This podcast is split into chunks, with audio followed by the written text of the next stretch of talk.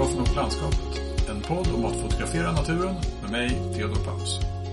Detta är avsnitt 11 och idag träffar vi Magnus Hög. Han kommer berätta för oss om hur han fotograferar landskap som ett sätt att slippa träffa folk.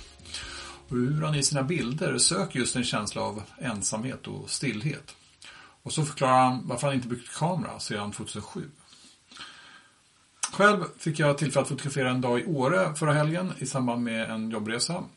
Det blev en tidig morgon på fjället vid Ullådalen där jag gick ut med snöskor. Jag har gjort det ett par gånger tidigare i fjällmiljö och dels är det ju rätt kul att gå på snöskor men det är också ett sätt att komma ut ordentligt i den eh, orörda nysnön och det blir ju ofta väldigt bra då. På eftermiddagen så fotograferade jag vattenfallet i Tännforsen där jag aldrig hade varit tidigare. Och själva fallet var ju väldigt imponerande måste jag säga. Och det var det också till hälften fruset med en massa läckra isformationer. Så jag tror att förhoppningsvis har jag någon bra bild där. Om ni vill se vad jag presterade kan ni titta in på min Instagram. Jag kommer att lägga ut några bilder där. Som vanligt, ta gärna kontakt med mig på sociala medier och berätta vad ni tycker om podden. Om det finns något ni vill ha mer av eller gäster ni vill ska vara med i framtiden. Förutom på Instagram så finns jag även på Facebook. Gå gärna också med i Facebookgruppen för podden. Där berättar jag om kommande gäster och vi fortsätter samtalen mellan avsnitten. Och om du gillar den här podden och vill höra fler avsnitt, glöm inte att prenumerera i din poddspelare så missar du inget avsnitt. Länkar till mina konton, till Facebookgruppen och till Magnus Högs Instagram finns i anteckningarna till det här poddavsnittet. Och med det sagt, låt oss börja dagens avsnitt. Välkommen till fotografen och landskapet, Magnus Hög. Tack Theo, tack. Välkommen. Vi eh, känner ju varandra en del sedan tidigare. Vi har eh, varit ute och fotat också tillsammans på lite olika platser. Jag har fått eh, blivit meddragen av dig. Eh, ja, ja, det stämmer. Vi har sett ett par, tre gånger va? Första gången i, nere i Söderåsen. Det är så typiskt ställe för att träffa nya kompisar första gången. Precis, och där ja. var det med, med, att vi stötte på varandra i, liksom i, och sen så har vi eh, fått tillfälle att vara ute och fotografera på Arholma också. Ja. ja, ja, ja. Och så ska vi ju faktiskt åka ner till Örudden om det fortfarande gäller. Det, det, det, det gäller alltjämt, det skulle jag vilja framhålla. I början av mars, ja. ja, ja men, ja. men, och, och, men det är väl inte kanske primärt så att det här handlar om våra gemensamma äventyr, även om de också är väldigt kul. Men mm. du finns i Falun as we speak nu. Det stämmer bra, Falun i Dalarna, ja. Mm. Där och, bor och lever jag. Och är en engagerad och mycket aktiv eh, hobbyfotograf inom landskapsområdet. Ja, det, visst det går jag med. Det, det är en alldeles utmärkt beskrivning. Eh, engagerad och mycket aktiv kan vi diskutera men, men hobbyfotograf, ja visst, jag, jag gör inte det här för brödfödan på något sätt så att hobbyfotograf fungerar utmärkt. Amatör är ett rätt bra ord eftersom det Tycker du det? Ja men ursprungliga betydelsen av amatör är, är ju är någon som, som gör något han eller hon tycker om, älskar, gillar. Ja, mm. då kan man vara både professionell och amatör samtidigt om man gillar sitt jobb som man får betalt för. ja, i någon mening så, så går det säkert att argumentera åt det hållet i alla fall. Ja. I, vilket, i, I vilket fall så tar du väldigt mycket fina landskapsbilder i, av lite olika typer av miljöer. Tack så eh, mycket, tack. Ja, ja. Det, det, är både liksom kust och skog och, och eh, många liksom i landskapssammanhang om man får säga så välkända miljöer som du har varit i. Och vi kan prata lite mer om, om liksom, ja. till de där. Ja, visst gärna det. Gärna det.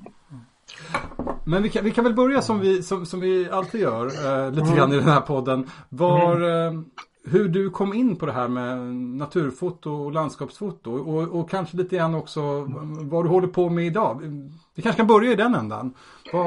Du, du, för du arbetar eh, ja, i Dalarna med, med, inte med mm. foto.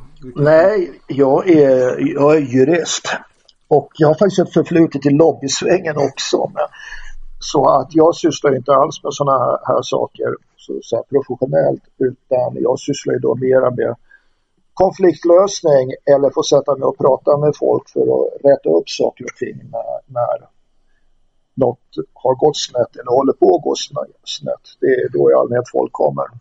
Okay. Det, är vad jag, det är vad jag gör till vardags. Så att eh. Skälet till att jag sysslar med landskapsfoto, om jag hårdrar det här så är det för att slippa ha med folk att göra. Nu förstår ju både du och jag ja, men nu förstår ju både du och jag att det här kommer att modereras eh, under samtalets gång. Ja. Nu försvinner du lite grann där. Ja, man kan säga att det, det, är liksom, det är någon form av grundläggande inställning i alla fall. Hur mycket vi än modererar det hela. Du vill inte ha med folk att göra? Ungefär va. Därför att jag har med folk att göra i alla fall till vardags och många gånger då i, i, i besvärliga situationer eller situationer som kan bli besvärliga. Så att, att eh, det är skönt att komma undan. Så att mm. säga, eller komma bort. Ja. Däremot så, så mitt intresse för foto är långt. Mitt intresse för landskapsfoto är väl en åtta år kanske, eller något liknande. Jag, jag kommer ur så att säga helt andra eh, andra säger, fotografiska genrer, om jag kallar för det. Ja, just det. Ja. Och, och, för de som inte förstod vad Magnus menade när han sa att jag håller på med lobbying också. Så, så kan jag, det, det är alltså mitt yrke till vardags. Jag, jag driver en PR-byrå som håller på med, med mm. opinionsbildning och lobbying. Men det är en helt annan fråga. Nu åter till, till din ja. väg in i landskapsfotot. Mm. Mm. Men för det började inte med eh, landskapen från början. Berätta hur det gick till. Ja, det gick ungefär till så här att när jag var i de mellersta tonåren ungefär och började gymnasiet och kom, kom till en, en helt ny klass så var det folk som kom, jag är uppvuxen i Västerås, redan då var det en relativt stor stad. Det fanns ju många högstadieskolor och många gymnasieskolor och så. Och eh, då till min klass då så var jag den enda tror jag från min gamla klass och följaktligen var fullt av nya och spännande och, och, och, roliga klasskamrater. Och där i klassen fanns det en kille som var fotointresserad som hade grejer som, som jag frågade om jag fick liksom känna på det. Och, Hans utrustning? Hans utrustning, ja han var, var vänlig och, och lät mig göra det så det, liksom, det här var i första, första ring. I andra ring hade jag skaffat egna grejer. I tredje ring fotograferade jag för fullt ungefär. Och då var det så att eh, jag åkte skidor rätt mycket utför. Och det gjorde många andra också. Det var flera som var bättre än vad jag var. Men jag hade den enda kameran. Okej. Okay. ja visst, så att jag gick över från att och köra själv till att stå vid sidan av och, och fotografera kamraterna. Och sen då, då eh, det här är ju väldigt analog tid, vi talar 1976. Va? Så att eh, liksom gå hem och, och, och, fixa upp kopior och, och sälja till hugande, Hugade och liknande. Så när jag var på filmtiden så kunde man inte ta så mycket rutor, det hade jag inte råd med. Och jag hade inte råd med att göra sånt här i, i, i dia heller, så det var ju van, vanligt svartvitt. Med, med längsta telet jag hade tror jag var 200 millimeter och, och, och, redan det var ju en rätt rejäl investering faktiskt.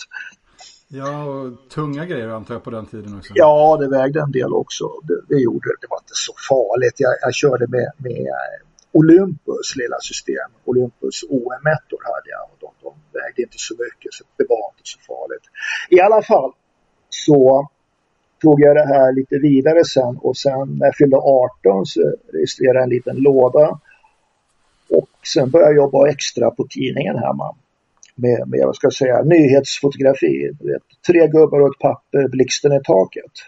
Okej, okay, så det, det, började med, det började med skidor och sen så blev det liksom eh, ja, nyhetsfoto? Ja, ja. visst, visst. Jag var den där eh, liksom, junioren man tog in på slutet när, när alla ordinarie var, var uppbokade. Så man fick göra lite av varje. Det fick jag göra och, och, och låna lite vettiga grejer också sådär. Sen eh, gick jag mycket på rockkonserter också. Och det var ju kul. Så att jag har fotograferat ganska mycket rockbilder också då i 70-talets andra halva, en liten bit in på 80-talet. Och eh, sen, eh, ja men det blir, eh, jag gick eh, klar min utbildning, jag började arbeta i den värld jag är just nu och så här så att säga följer, följer ifrån allt mer och mer. Men sen växer ju barn upp och eh, så jag tog upp det här med sportfoto igen. Äldsta dottern sysslar med hästhoppning. Så jag fotograferade hästhoppning lite kommersiellt några år här i början på 2000-talet. Och eh, nu de, hennes yngre syskon spelar fotboll så jag fotograferar rätt mycket fotbollsbilder också helt enkelt. Men, men, men ja. det, här, det, här, är ett tag som, då, som det, det, gör du inte nu eller? Fotboll fotograferar jag fortfarande. Hästhoppningen, nej det gör jag inte längre. Okay. Men, det, var det, det var rätt roligt.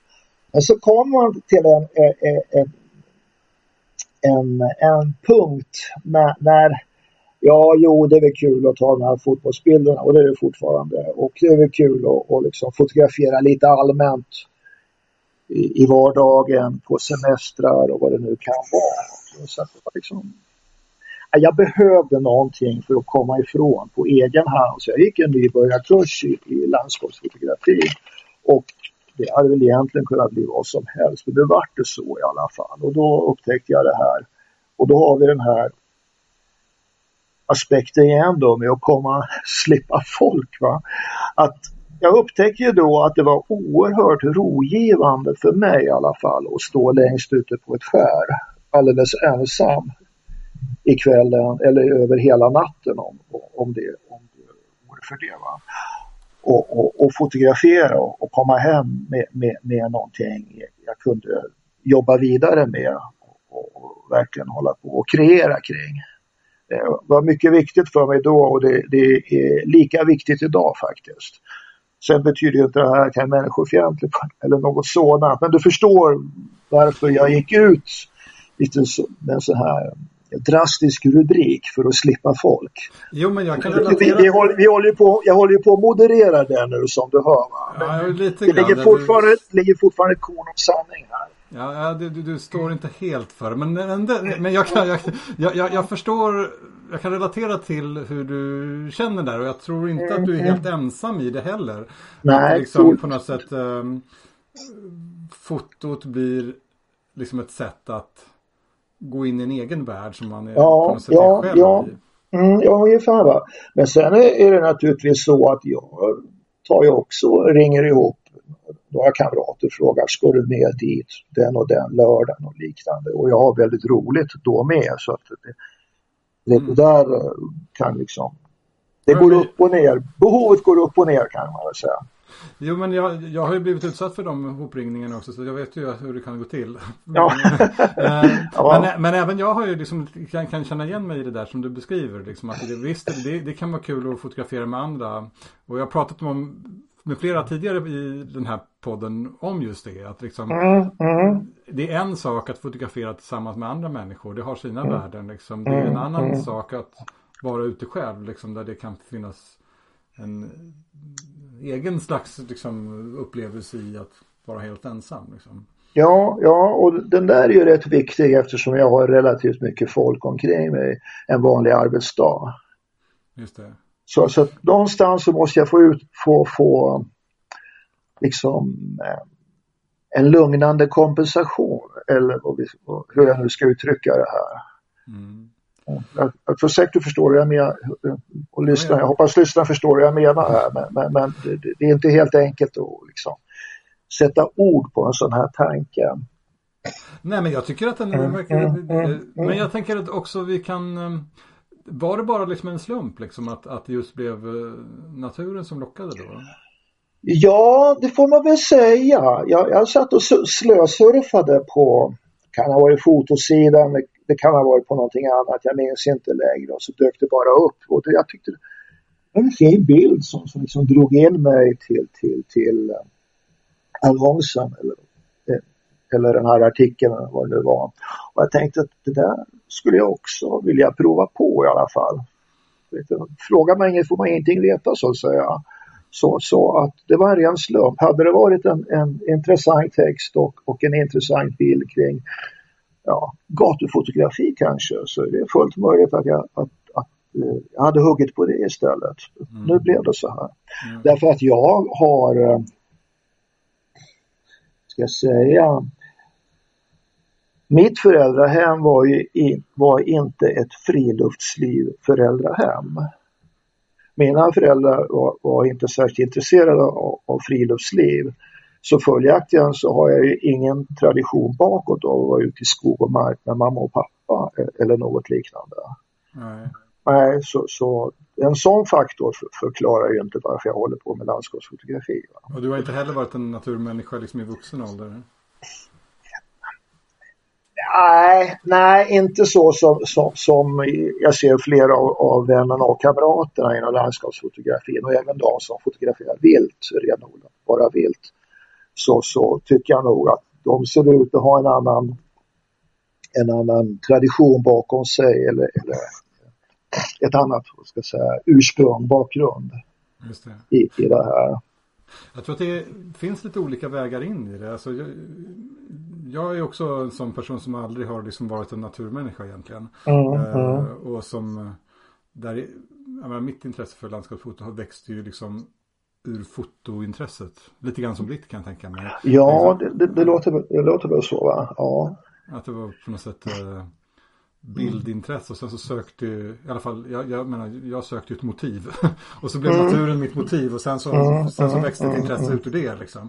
Ja. Uh, och det, det, verkar som att det var lite grann så för dig också. Så hittade du liksom att den här typen av foto var, liksom hade Ja, den var intressant på, på andra sätt också, själva processen med att vara själv och sådär.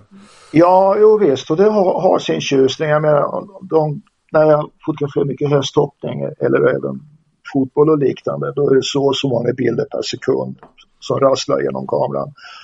Och i det här fall, fallet ute på klippan så är det en, en ruta varje kvart eller någonting sånt där. Och, och bägge världarna har en, en, en tjusning och, och en dimension som, som jag gillar. Och också spelet däremellan på något sätt. Jag kan både göra det och göra det och göra det. Mm. om vi beskriver hur ditt foto är idag. Alltså, hur... mm. Mm. Eh, jag skulle vilja börja i en annan ände ändå för att liksom försöka komma framåt till någonting. Och det, när jag sa mina föräldrar inte var friluftsmänniskor så, så stämmer det. Men det fanns ju andra grejer andra aspekter där, andra intressen som så att säga kompenserade. Och i det här, och i det här fallet är det så att bägge mina föräldrar hade, mamma lever fortfarande, pappa är död, men jag säger hade, att bägge mina föräldrar hade ett stort konstintresse. Och eh, det här har yttrat sig på så vis att de, de var runt och kollade museer och samlingar och liknande. Vilket i sin tur har fått till följd att jag har sett nästan allting mellan, vad ska jag säga, Tretjakov-galleriet i Moskva och Calouste Gulbenkian i Lissabon. Okay. Jag har sett skitmycket. Och, och eh, det är väl med det där som, som, som med mycket annat. Man måste se mycket för att förstå vad som är bra. Man måste höra mycket musik för att förstå vad som är bra. Man, man måste läsa mycket litteratur för att förstå vad som är bra. Eller åtminstone utveckla en egen smak. Det vill säga, ja, det här är det jag gillar. Det kanske inte är bra i dina ögon eller öron, men, men det här gillar jag för jag har liksom um, låtit det mogna fram eller provat mig fram. Eh, eh, eller vad man nu ska använda för, för liknelse i, i det här sammanhanget. Var det någon särskild liksom, typ av konst som inspirerade dig? Som fick liksom väckte? Ja, ma mamma har berättat för mig att när jag var liten, 8, 9, 10, då gillade jag tror det heter Alte Pinakotek i München. Därför att där fanns det mycket medeltida konst med, med folk som fick spjut i sig. Jesus på korset alltså. Och eh, avhuggna huvuden och, och massor med ball, balla grejer. Så att hon har berättat det att så fort man kommer in i en ny sal så brukar jag springa fram till den tavla som innehöll mest av det där. Och, och eh, jag tyckte förmodligen att det var smaskens hela vägen. Okay. Men idag så, så jag tittar ju på konst ungefär som, som jag har som ambition att fotografera, det vill säga det som är lite mer sparsmakat. Man drar ner i antalet former, antalet färger, spelet dem emellan eller vad det nu kan vara. Det intresserar mig mycket. Mm. Och, och, eh, det är där jag försöker, i den riktningen jag försöker röra mig. Och jag kan till exempel tycka att en, en, um, en 1900-talssvensk som heter Bertling, Olle Bertling heter han va, som då i både i sina färgbilder och i sina svartvita bilder egentligen Alltså, han bygger upp bilden med ett antal trianglar, långa utdragna spetsiga trianglar som man lägger mot varandra på olika sätt. Så du får ett, ett, ett flöde från höger till vänster eller från upp till ner eller vad det nu kan vara. Och så gör han olika färgkombinationer eller gråtonskombinationer i de här olika fälten. Och, och han brukar, han är död nu, men, men har då hållit, hållit sig i, inom ett väldigt begränsat antal färger, två, tre kanske, eller likaså gråtoner i sina svartvita bilder. Och de där tycker jag är mycket fascinerande. Och, och, och det är med sånt där i bakhuvudet jag går, då, går ut och, och, och eh, tittar bilder. Sen är det naturligtvis så att i en tät skog så, så, så fungerar kanske inte riktigt det där. Men, men, men om man står på en klippa eller till exempel och har två, två stora stenar och ett flöde vatten emellan, då får du det här triang triangeltänk, eller jag får åtminstone det här triangeltänket mm. som, som kan återfinnas till, till exempel den här konstnärens arbeten. Det, du fotograferar ganska mycket kust. Det, det... Ja, det beror mycket på att jag bor i inlandet. och, och eh, ja, jo, men Så det är, det är naturligt för dig att inte fotografera där då? Nej. Nej, alltså jag vill gärna ha lite horisont omkring mig faktiskt i sådana här tillfällen. Det är klart jag fotograferar i Dalarna också och i skogen här runt omkring. Men, men jag tycker det, det, är en, det är en särskild känsla, en särskild grej att, att, att stå ute vid kusten. Förmodligen för att jag inte är vid kusten i min vardag så, så, så vill jag ha det här, den här omväxlingen, avkopplingen. Just det. Och sen blir det naturligtvis så att man får åka runt en del och, och, och eh, försöka hitta sina smultronställen sådär. Ja. Mm. Det, det, verkar du göra en hel del. Jag tycker att det verkar vara ständiga bilresor. Du måste få in ganska många mil i, i ditt naturfoto. Eh, ja, jag vet om det där. Jag vet hur, snack, hur snacket går också. Och, och eh, det, är, det är en periodfråga faktiskt om, om, om jag just känner att nu måste jag runt, nu måste jag ut och fotografera mycket eller om jag så att säga kan, kan ligga still en, en längre tid. Det där går upp och ner sett på ett helt år eller sett över en längre period än så. Det gör det faktiskt. Men jag har ju haft perioder när, när jag har sett två helger av, av fyra en, må, en månad så har, har jag åkt iväg och varit borta över helgen och jag åkt ganska långt. Just det. Men det, det, visst, det, det har hänt. Va? Ja. Jag, jag, får, jag får känslan att du kommer ut ungefär lika mycket i Stockholm här ungefär som jag gör som bor här. Men, mm, eh, ja, ja, ja, ja man, man får liksom Alltså när, när jag, det är det där med horisonten igen. Jag har ju mycket skog omkring mig här och det, jag vet att det är folk som tycker, tycker det är toppen att fotografera i skog och jag gillar det också. Men, men det där det, det, det drar mera helt enkelt. Mm. Mm. Men kan vi inte prata lite grann om liksom där, vad är det som du söker? Liksom? när du liksom, uh, har kommit till en, en, uh, en miljö. Liksom. Eller, eller, kanske till och med liksom, vilken typ av miljö som, som du letar efter för att hitta de här bilderna som, som du vill ta? Ja.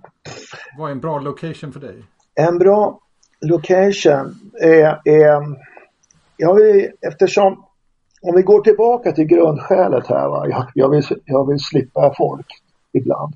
Så söker jag ju då det här stilla lugnet.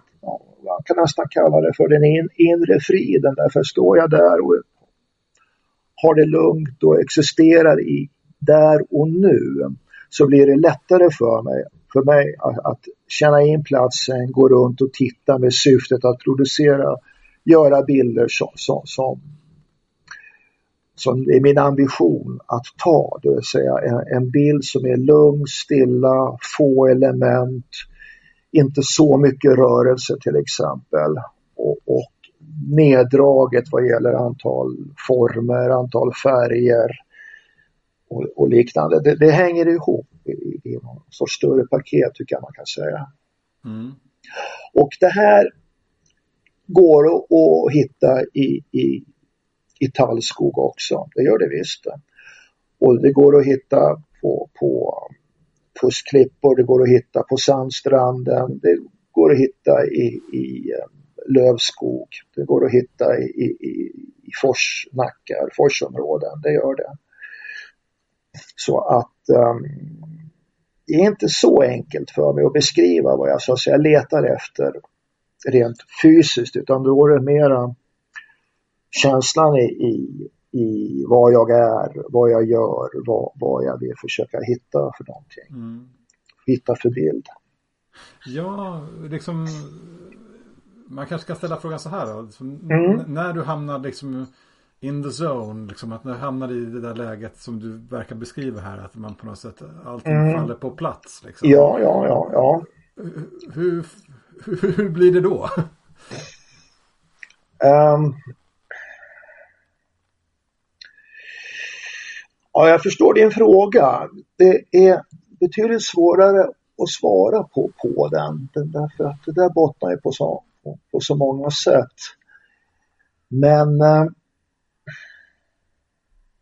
ska säga, slutresultatet blir då alltid en bild jag är nöjd och glad åt. Och det är så att jag fotograferar enbart för mig själv. Jag har ingen hemsida, jag har ett Instagramkonto som jag egentligen inte riktigt vet vad jag ska göra med. Det spretar lite nu. Det är mycket sällan jag är med på någon utställning och liknande, även om det har, int det har inträffat, det har det gjort, men, men det är sällan. Och det är till och med så att i den fotoklubb jag är med i, Naturfoto Västmanland, så har jag ibland med en bild till månadstävlingarna, men inte mycket mera. Däremot så gör jag gärna en, en liten bildvisning om en ja, 10, 12, 15 bilder som, som där jag själv kan i lugn och ro alltså bestämma vad, vad temat ska vara, hur lång tid framförandet ska få ta och liknande. Men bortsett från det då så, så fotograferar jag för mig själv. Mm. Och det gör ju då att när allting faller på plats så kan man faktiskt landa i någonting så, så tämligen enkelt uttryckt som att säga jag kommer hem med en bild jag tycker om, med en bild jag är nöjd med. Just det. Och svårare så kanske egentligen inte behöver vara heller. Va? Nej. Nej, det beror ju jag ser det beror helt på varför du är ute och, och varför du, du långsiktigt är ute också. För jag förstår ju mycket väl att den som fotograferar på mycket, mycket mer professionell basis och professionell nivå än vad jag gör, han eller hon så att säga måste komma hem med någonting. Mm. Sen stämmer kanske inte det varje gång heller, men vi bryr oss inte om det just nu.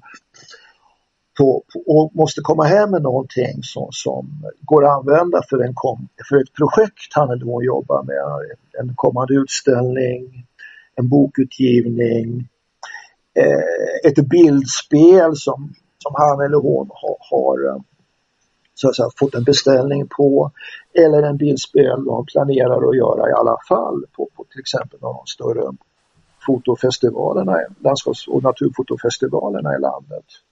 Och den situationen är helt annorlunda. Så att vad, vad som är en bra dag för, för den personen är någonting helt annat än vad som är en bra dag för mig.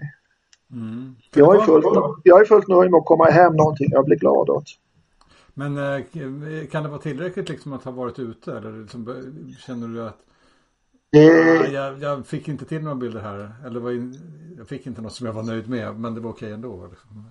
Ja, ja det, det, har ju hänt. Va? Det, har, det har jag. jag tar inte särskilt mycket bilder. Jag kanske blir 25-30 klick på, på, på en lång, en lång kväll eller kanske till, till och med större delen av en eftermiddag också.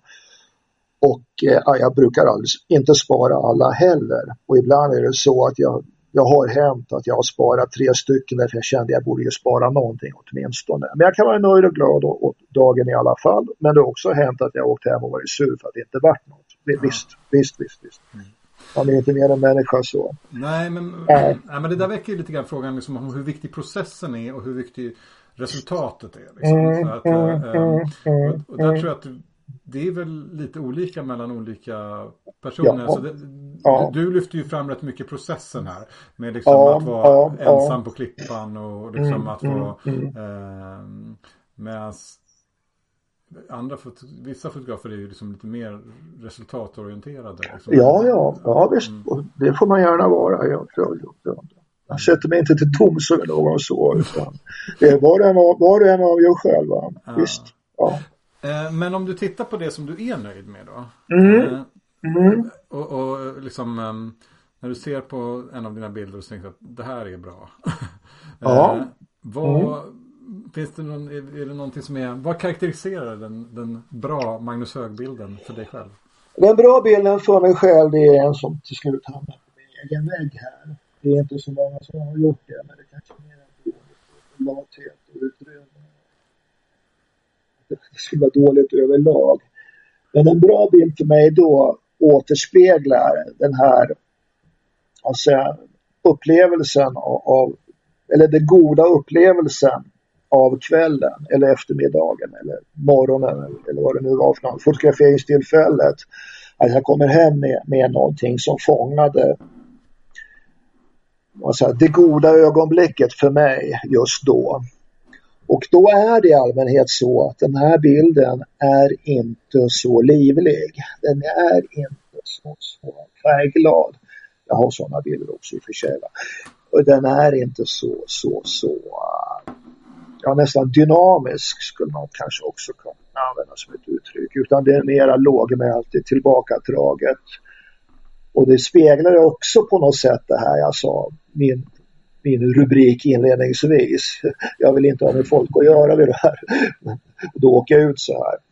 För, för då, då har jag fått den här friden, eh, stillheten, eh, känslan av att ha haft en bra, ett bra tillfälle för mig själv som gör att jag åker hem igen och, och känner, känner mig helad så att säga. Och det finns också en bild med som, som stämmer med vad jag är ute efter och vad jag har för så här bildspråk och liknande. Det. Och det här bildspråket har nu ändrats över tid, det är klart det har gjort det. Va? Men jag ser fortfarande rätt mycket konst när jag har, har tillfälle och jag går på rätt mycket utställningar som mina vänner och fotokamrater eh, håller. Jag försöker se det, det mesta av det, det mina vänner och bekanta ställer ut. Så att jag tar ju in ganska mycket och det gör jag att eh, min influenserna på, på vad jag själv tittar efter eller påverkan på vad jag själv så att säga släpper ut ur min dator för mitt eget höga nöje. Det kan ju skifta lite över tid. Naturligtvis kan det göra det. Mm. Men i, i slutändan är det nog det där stilla. Ja, men du var inne på att det har förändrats över tid liksom. Mm, ja, ja, ja, ja. Har du några reflektioner över liksom, är det andra motiv eller andra typer av eh, sätt som du jobbar på? Eh, det är nog lite, lite bägge. Det, dels så, ja men om vi börjar i alla fall i en ände här så när jag kom hem från den där första nybörjarkursen i landskapsfotografi. Det var vid, kust, det var vid kusten. Allting jag gjorde sen, resten av, det var, här var i början på april, kan vara, eller månadsskiftet mars-april. Resten jag gjorde sen den våren, det var ju att åka ut och fotografera bäckar och forsar med gråfilter. Naturligtvis. Okay. För det, det hade jag inte gjort tidigare och jag tyckte det var jättefascinerande och jättespännande. Och det kan jag fortfarande tycka. Och, och, jag tyckte det var fin, fina bilder och det var precis som jag ville ha det för jag hade liksom lärt mig ett nytt sätt här och jag hade lärt mig ett nytt bildspråk och jag var uppfylld av, av att arbeta vidare med, med, med det där. Och sen om vi ligger kvar här, det, det, du får se det här lite allegoriskt va, som, som en bild. Men, men sen över tid så har alltså, vattnet har, rinner lite mindre. bäckarna och forsarna är inte fullt så kraftiga längre. Slutartiderna är inte så långa längre så att allting blir, blir, blir jämnt sådär utan det är mindre bäckar och forsar, det är kortare slutartider så, så att flödet så, så stelnar på, på ett tidigare stadium. Det ligger kvar där men kanske inte fullt så uttalat och, mm. och liknande. Det är åt det där hållet det går. Och, och eh, vad ska jag säga, jag fotograferar ju nästan ingenting innan solen är nere. Eller jag gör, några, gör det för att liksom känna in platsen och, och få några provexponeringar och se hur, hur kompositionen blir och sådär. Men av det jag sparar är ju inte särskilt mycket taget före solens nedgång. Och med det vill jag inte säga att man ska eller inte ska fotografera vid något givet till, tillfälle. Det bryr jag mig inte om. Jag menar, det, det gör folk som de vill. Men vad jag är ute efter det är att berätta att färger har ju också mattat sig och, och sådana där saker över resans gång. De har blivit färre, inte fullt så kraftiga. Eh, jag är inte längre rädd för, för vad ska säga, dova, gråa toner i mulet väder och, sådana här saker som, som jag en gång var. Ja. Så det, det är väl så rörelsen har gått.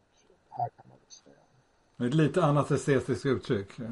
Ja, det är ett estetiskt uttryck som, är, som, som, som, ändras, som har ändrats över tid och kanske fortsätter att göra det också. Vi får väl se helt. Ja, har du några liksom, ambitioner och mål framåt liksom, för, för ditt, ditt fotograferande? Uh... Ja, alltså för min egen, alltså utåtriktat, nej det, det, har jag inte. Jag fortsätter att fotografera för, för min egen skull för att jag tycker det är roligt. Att, eh,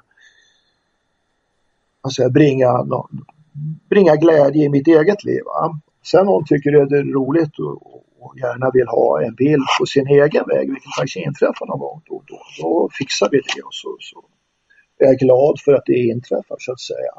Så i den delen har jag, har, ligger jag kvar på, på, på samma ambition. Däremot i, i själva fotograferandet och, och vad som kommer ut av, av det på det viset så, så det är att försöka, ytterligare försöka renodla, ytterligare försöka få till liksom, den egna stilen, det egna bildspråket. Och just nu ligger jag ju fortsatt i den här lugna, stilla rik riktningen. Jag fotograferar nästan bara i färg. Jag har mycket att lära i fråga om svartvitt. Och där skulle jag ju vilja gå framåt faktiskt. Och tänka svartvitt i, i mycket högre och, och, mycket bättre utsträckning än vad jag gör. Det, det tycker jag själv är, är svårt faktiskt. Inte bara att liksom ta bort färgen i Photoshop. det kan man, ja just det, ner med noll och alltihopa. Ja, Nå, nej, ja, ja visst, jo. Ja, alltså jag har ju en, en, lit, sån liten kamera som jag alltid är med i fickan som jag fotograferar med bara på kul. På gatan och till och från jobbet och på besök i Stockholm och vad det nu kan vara. Och där kör jag uteslutande svartvitt för jag tycker det är roligt. Och för, för att se, på något sätt träna in det här med att se hur, hur ytor och former då ställer sig mot varandra och man kan inte bry sig om färgen blir inte viktig. Och min egen uppfattning, och det finns säkert andra meningar om det här, är att i alla fall för mig är lättare att göra den här säga, övningen då på, på gatan i svartvitt än vad det är att göra ute på klippan eller ute i skogen i svartvitt. Där, i, det, I det senare har, har jag ju, nej, där, där har jag mycket att lära. Det är lättare att fotografera svartvit i stadsmiljö än, än, ja, i naturmiljö? Ja, ja, för mig är det så i alla fall. Och, och eh, jag vill ju hemskt gärna liksom få till det i, i landskapsmiljön också. Men, men där är mycket kvar. Så där kan man väl säga att där, där ligger ju ska säga, utvecklingsambitionen framöver, definitivt. Ja. Mm. Um, jag tror att möjligen har nämnt den här fotografen Bruce Percy tidigare ja. i den här podden. Han, ja. Det är bara för att jag tycker att han är så bra. Så att, eh, mm. kolla upp mm. honom. Ja, jag, jag, har, jag, har, jag har flera av hans e-böcker. Ah, ja, okay. jag, vet precis, jag vet precis vad du talar om. Jag, jag ja, men för att han har haft en liknande utveckling eh, eh mm, som, mm. Som, som, du beskriver. Liksom med, började med ganska mycket färg och, och sen så har det blivit allt mer minimalistiskt liksom i mm, både, mm, mm, både kompositioner och liksom eh, med, ja, näst, inte helt svartvita bilder men ofta liksom en mycket begränsad tonomfång. Uh, Mm. Så att, um, ja. Men det, det, finns mycket att titta på även i, i den andra änden. Liksom det mer, mera färg, mer, mera dynamik. Jag tittade mycket på en amerikan som heter Ian Plant. Okay. För säg fem, sex år sedan kanske. Som då är, är i jämförelse mera livlig i, i, i, sitt bildspråk. Då. Och jag tycker fortfarande om hans bilder och kan gå tillbaka och, och kika på dem där. Men jag tittar inte på dem idag för, för, för inspiration på samma sätt. Va? Det gör jag inte. Ja. Nej, alltså jag tycker att det finns ett väldigt stort värde i att liksom, titta på andra olika genrer. Tycker också det är väldigt roligt. Det är väl en del av den här podden att det är så kul att höra olika mm. ingångar i det liksom. Um, vad är det som på något sätt är det motiverande? Är det processen? Är det liksom. Är det utfallet liksom? Um, ja. Men, du har ju, jag upplever också dig, men jag kanske är fel, som liksom är ganska närvarande i liksom landskapsfoto-communityn i, i Sverige. Du liksom eh, går på festivaler och liksom har ett hyfsat brett nätverk verkar det som också. Eh, kan det stämma? Är det en korrekt bild? Hörru du, det är inte min bild. Men... Det är inte det? Okej, okay, jag har helt fel. du, jag vet faktiskt att jag går inte på så väldigt mycket. Jag var ju på Vårgårda ett par gånger. Det är lite långt att åka och det är så att säga fel helg. Jag har fortfarande barn i skolåldern så att du vet, det ligger höstlov och grejer i det där. Jag har varit ett par gånger på Vårgården. Det har jag visst varit. Jag har varit ett par gånger på eh, Kamera Naturas naturfotodag i Västerås. Okay. Och, ja, oja, oja. Och, och eh, möjligen lite till. Och jag och ett par till. Vi drev en, en liten naturfotofestival i Säter här i Dalarna i 6-7 år. Så att visst, jag, jag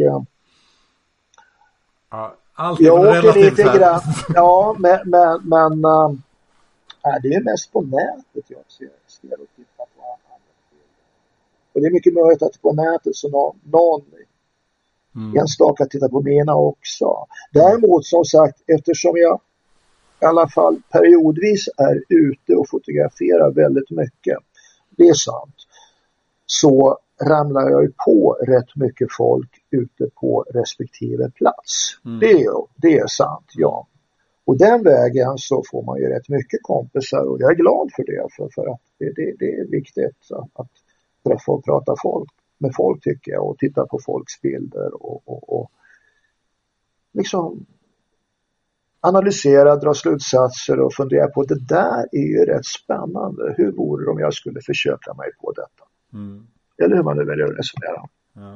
Nej, men, känner du att liksom det finns några saker som, kanske inte i ditt eget foto, men i liksom landskapsfoto i Sverige idag som känner att här är något som saknas eller det här vore kul att se mer av eller liksom um... Ja, för, för, jag kan bara svara på vad jag för egen del skulle vilja se mera av och det är, är och det har jag redan varit inne på. Och det är svartvit landskapsfotografi tycker jag. Är, när den är bra är den hemskt väldigt bra och, och väldigt fin. Så jag vill gärna se mer av det. Just det. Alldeles oavsett om jag själv någon gång lär mig behärska detta eller inte så vill jag gärna, gärna se mer sånt. Det, det, det tittar jag särskilt efter. Både när, när det vankas utställningar och, och eh, till exempel på Instagram eh, eller andra, eh, andra kanaler på nätet. Det är inte så många som tar det. Eh, De flesta gör väl det någon gång men, men med några enstaka undantag så, så, så, är det väl en majoritet som tar i färg. Mm. Det är mycket möjligt att jag har fel här och det är jag som helt enkelt inte har koll. Men den uppfattning jag har är i alla fall åt det där hållet. Ja, men det är nog faktiskt min uppfattning också. Ja, om, om vi har fel båda två så... Det, ja, ja. Då har jag åtminstone fel i, i gott sällskap. Man får jag glad för det också. Ja, då får lyssnarna korrigera oss i eh, Facebookgruppen för denna, ja, denna, ja, denna ja, ja, ja, ja, ja. Det, det, det fungerar alldeles utmärkt. Du, eh, lite bara eh, om det, hur du jobbar praktiskt i, i, eh, i fält. För du jobbar digitalt, eller hur? Ja, jag har en, en, en analogare också faktiskt, men den är ute så sällan. Så det, det är digitalt, ja. Just det. Och jag är inte sådär vanligt teknikintresserad även om jag begriper att jag måste kunna någonting för, för att ta mig igenom processen. Så att jag kör på rätt gamla grejer. Jag, jag kör på, på en teknik, en sensorteknik som är från 2007 eller 2008 eller någonting sånt där.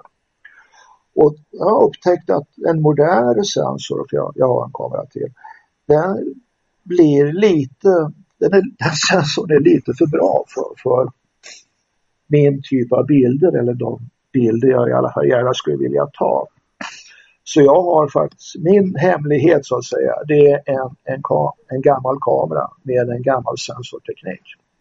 Och sen i, i uh, bildbehandlingen så klickar jag in uh, i Lightroom då, en profil som är från en ska efterlikna sensorn på en kamera som är från 2004.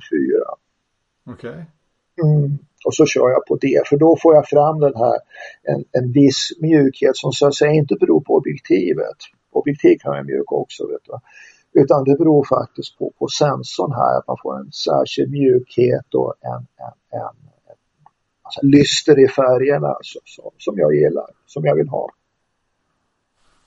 Just det, ja. Mm, så det, det, är så, det är så jag gör så att säga.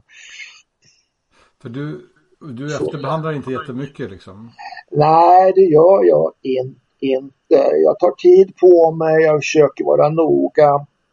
Kamerans automatik sköter en del grejer mycket, mycket bättre än vad jag kan göra själv. Så att det är inte så att allting måste vara manuellt. Det måste inte alls vara. Jag kör oftast bara jag ställer bländaren så fixar kameran tiden och kameran brukar göra det alldeles utmärkt. Och det är också till och med så att, att har jag ett auto har jag ett autofokusobjektiv, jag har väl ett par i alla fall, så kör de på autofokus.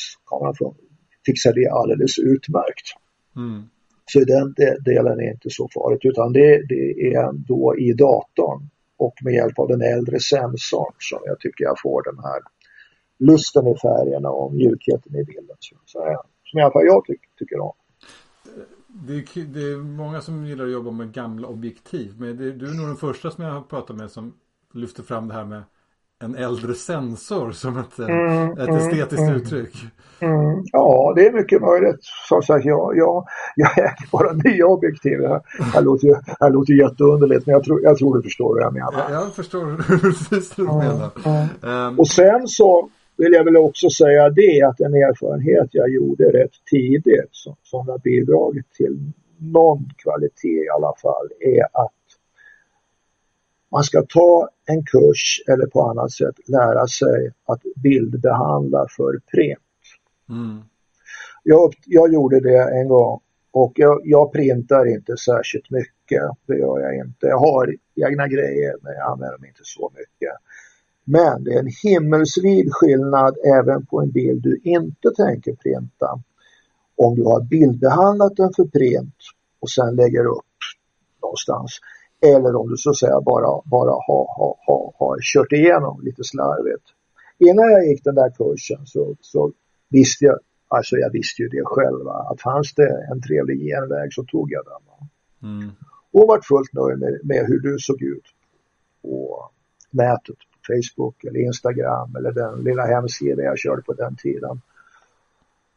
Och så tog man bild, en bild med bildbehandlad på olika sätt och körde den genom en printer. Det såg ju inte klokt ut. Det var, det var så dåligt så det var inte sant. Va? Så då förstod jag det här att, att lär dig bildbehandla för print och även det du bara så att säga, enbart tar ut för att, att använda på nätet till exempel blir också mycket bättre gjort. Mm. Ja, det är väl den stora, det är faktiskt den stora lärdomen. Ja, och sen så är det ju också, sen så är det ju också roligare att se bilder utskrivna. Liksom. Det är det också, det är det också, visst. Men jag, jag menar här att eh, lär, även om du inte tänker printa själv varje dag så, så lär dig bildbehandla för printen och även det du inte printar ser bättre, blir bättre. Du föregår här min, eh, en av mina avslutande frågor, nämligen om du har några bra tips till den, till, till, den som fotograferar landskap. Och du har redan gett ett tips om att lära sig bildbehandla för print. Men har du några andra tips att dela med dig av? Nej, inte i den delen. Inte i den delen. För, för mig, du var inne lite på det här om att jag körde kors och tvärs och liknande. Ja. Eller hur? Ja, absolut. Ja, det har varit ja, min bild i alla fall. Ja, ja, ja, jo, det stämmer i och för sig. Men faktum är att de flesta gånger har jag haft anledning att köra eller åka någonstans så att säga civilt, alltså i tjänsten. Och jag tillhör de här som gärna kör en längre sväng. Sen, sen finns det massor med skäl för varför man inte ska göra det egentligen. Och så. Men, men, men, jag gör det i alla fall. Och jag har då tagit för vana att hela tiden ligga och kolla efter, efter, efter uh, fotoställen. Så att, och, och kör jag samma sträcka många gånger, vad säger Falun-Stockholm till exempel. Jag tar nog tåget till Stockholm, men, men vi struntar i det just nu. Jag har kört Falun-Stockholm många gånger. Och jag har kört den här sträckan tillräckligt många gånger då börjar leta efter en alternativ väg. Och så har jag den alternativa vägen och då kan jag upptäcka, på ett helt annat sätt upptäcka någon bra fotoplats. Och så omsätter du det där i, i sträckor du har anledning att färdas i olika sammanhang. Och när du har gjort samma sträcka för tionde gången då är man lite trött på den. Kolla vad det så finns för sidoväg. Ta sidovägen, leta efter fotoställen. Så gör jag. Men, och jag, det dyker upp rätt mycket faktiskt. Ja, om man ändå ska köra mycket bil så kan man absolut leta efter sina nya Ja, visst. Längs, ja, just det. Så, så den nat naturliga förklaringen till att när du när du säger att, att jag är på många ställen och fotograferar, och det är sant, över tid är jag det. Så den naturliga förklaringen till detta är faktiskt att jag har tagit en annan väg än den jag brukar ta och helt plötsligt sett och haft möjlighet att stanna och fotografera en sväng just där. Då har du utrustningen med dig hela tiden också när ute? Oftast ja, om jag vet att jag ska vara borta en längre tid och det är en ledig kväll och, vad det nu kan vara, då, då ligger grejer i bilen och, och hänger med, ja. Du, eh, avslutningsvis här, har du några tips på andra fotografer som du tycker ska vara med i den här podden i framtiden? Ja, jag har ju hört i, i dina andra poddavsnitt att du brukar ställa den frågan. Så eh, jag har faktiskt tänkt över det. Du visste vad som var på väg. Ja, jag tänkte över, jag tänkte över det där och jag, jag skulle vilja ge tre namn. Mm. Som ligger inte inte är några sådana här stora välkända namn men väldigt bra på, på sina sätt. Och den första är en kille som heter Magnus Isaksson. Som du kanske vet vem det är. Jag ja, jag har träffat honom också. Mm. Okej, okay, ja, ja. För han är baserad uppe i, han bor väl uppe på Vätö tror jag. Han vistas mycket där i alla fall och fotograferar i Roslagen. Och han har ett uttryck, ett bildspråk som, som, som jag, ty jag, tycker mycket om. Och det är just det här väldigt, väldigt nedtonat.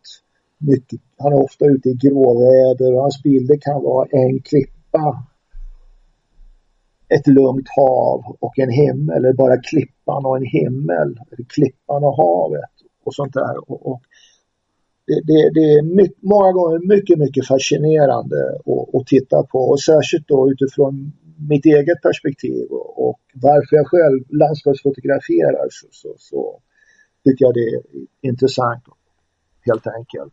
Jag tycker att han har inte minst ett väldigt fint öga för komposition. Ja, ja det har han också. Sen så, jag tror jag nämnde att jag är medlem i någonting som heter Naturfoto Västmanland och där bland mina kamrater, medlemmar, så finns det två kvinnor som bor och fotograferar i, i Sverige men som kommer någon annanstans ifrån från början. Och det där syns lite grann i deras sätt att fotografera och uttrycka sig. Och den ena heter Tatjana Sell. Tatjana är ett slaviskt namn och Sell är ett svenskt. Mm. S-Ä-L-L. Hon kommer från Jekaterinburg som ligger i Uralbergen. Och hon har ofta på Naturfotograferna visat landskapsbilder från eh, från Centralasien. Som då av flera skäl blir annorlunda än de vi tar själva här hemma. Och sen har vi en kvinna som heter Sylvia Adams från Kortrijk i Belgien. Okay. Och hon har, har ju då, kommer då naturligtvis från, från en kontinentaleuropeisk miljö. Jag vet inte hur länge någon av de här har fotograferat men jag utgår nästan från att de har, har börjat hemma en gång i världen och då liksom inbillar jag mig fotograferat utifrån från en stil, en smak, en omgivning som, som, som har varit förhärskande där då, så kontinentaleuropa respektive Centralasien, eller åtminstone gränsen till Asien. Just det. Mm. Men båda de är alltså aktiva som, i sitt foto i Sverige idag? Ja, ja, jag tror de bor i Fagersta bägge två. Okej. Okay. Mm. Lite inspiration från stilar i andra delar av, av, um, av vår värld. ja, ja, ja. Jo, de, de kommer ju från, från, från helt andra utgångspunkter. Ja. Vad roligt. Uh, de, ja. de, de, får jag kolla upp. Um, ja, visst, ja, visst. Mm. Um, men därmed så börjar vi närma oss slutet på, på, på, på denna eh, mm. avsnitt. Vad kul att du var med eh, Magnus och eh, ja. vi får ju tillfälle att även träffas. Eh, i, om inte allt för avlägsen tid i alla fall. Och, det blir kul. Ja. Det blir kul. Det blir kul. Det här har också varit väldigt roligt. Tack, tack, för att du hörde av dig. Ja, och eh, dina bilder kan man ju alltså se på ditt Instagram-konto, eh, inte minst då. Det är väl den Ja, ja det, är, det, det, är där, det är där du kan se dem helt enkelt. ja, ja, ja. ja vi, vi, lämnar länk till det i eh, mm, anteckningarna till det här avsnittet och därmed får jag tacka för att du var med. Tack så mycket. Mm, tack så mycket Theo, tack.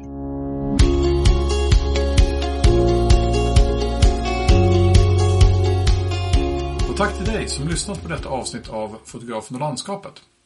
Hoppas det gett dig några nya perspektiv och tankar kring hur du kan eh, titta på naturfotobilder eller kanske fotografera själv. Som framgick så känner jag och Magnus varandra lite sedan tidigare. Han har på ett mycket generöst sätt tipsat mig om platser att fotografera på och satt mig i kontakt med olika människor. Stort tack för det Magnus! Och om några veckor ska vi också få tillfälle att åka ner till Torö i Stockholms södra skärgård och fotografera ihop på något som heter Örudden, där jag inte varit själv tidigare. Jag har varit på andra ställen på Torö, men inte just där. Det ser jag mycket fram emot. Länk till Magnus Instagram finns i anteckningarna till den här podden. Där finns också länkar till min Facebook och min Instagram. Berätta gärna i Facebookgruppen vad du tyckte om det här avsnittet och om du vill höra någonting annat i framtida avsnitt. Om du gillar den här podden och vill höra fler avsnitt, glöm inte att prenumerera i din poddspelare så missar du inget avsnitt. Vi hörs igen om två veckor. Hej så länge!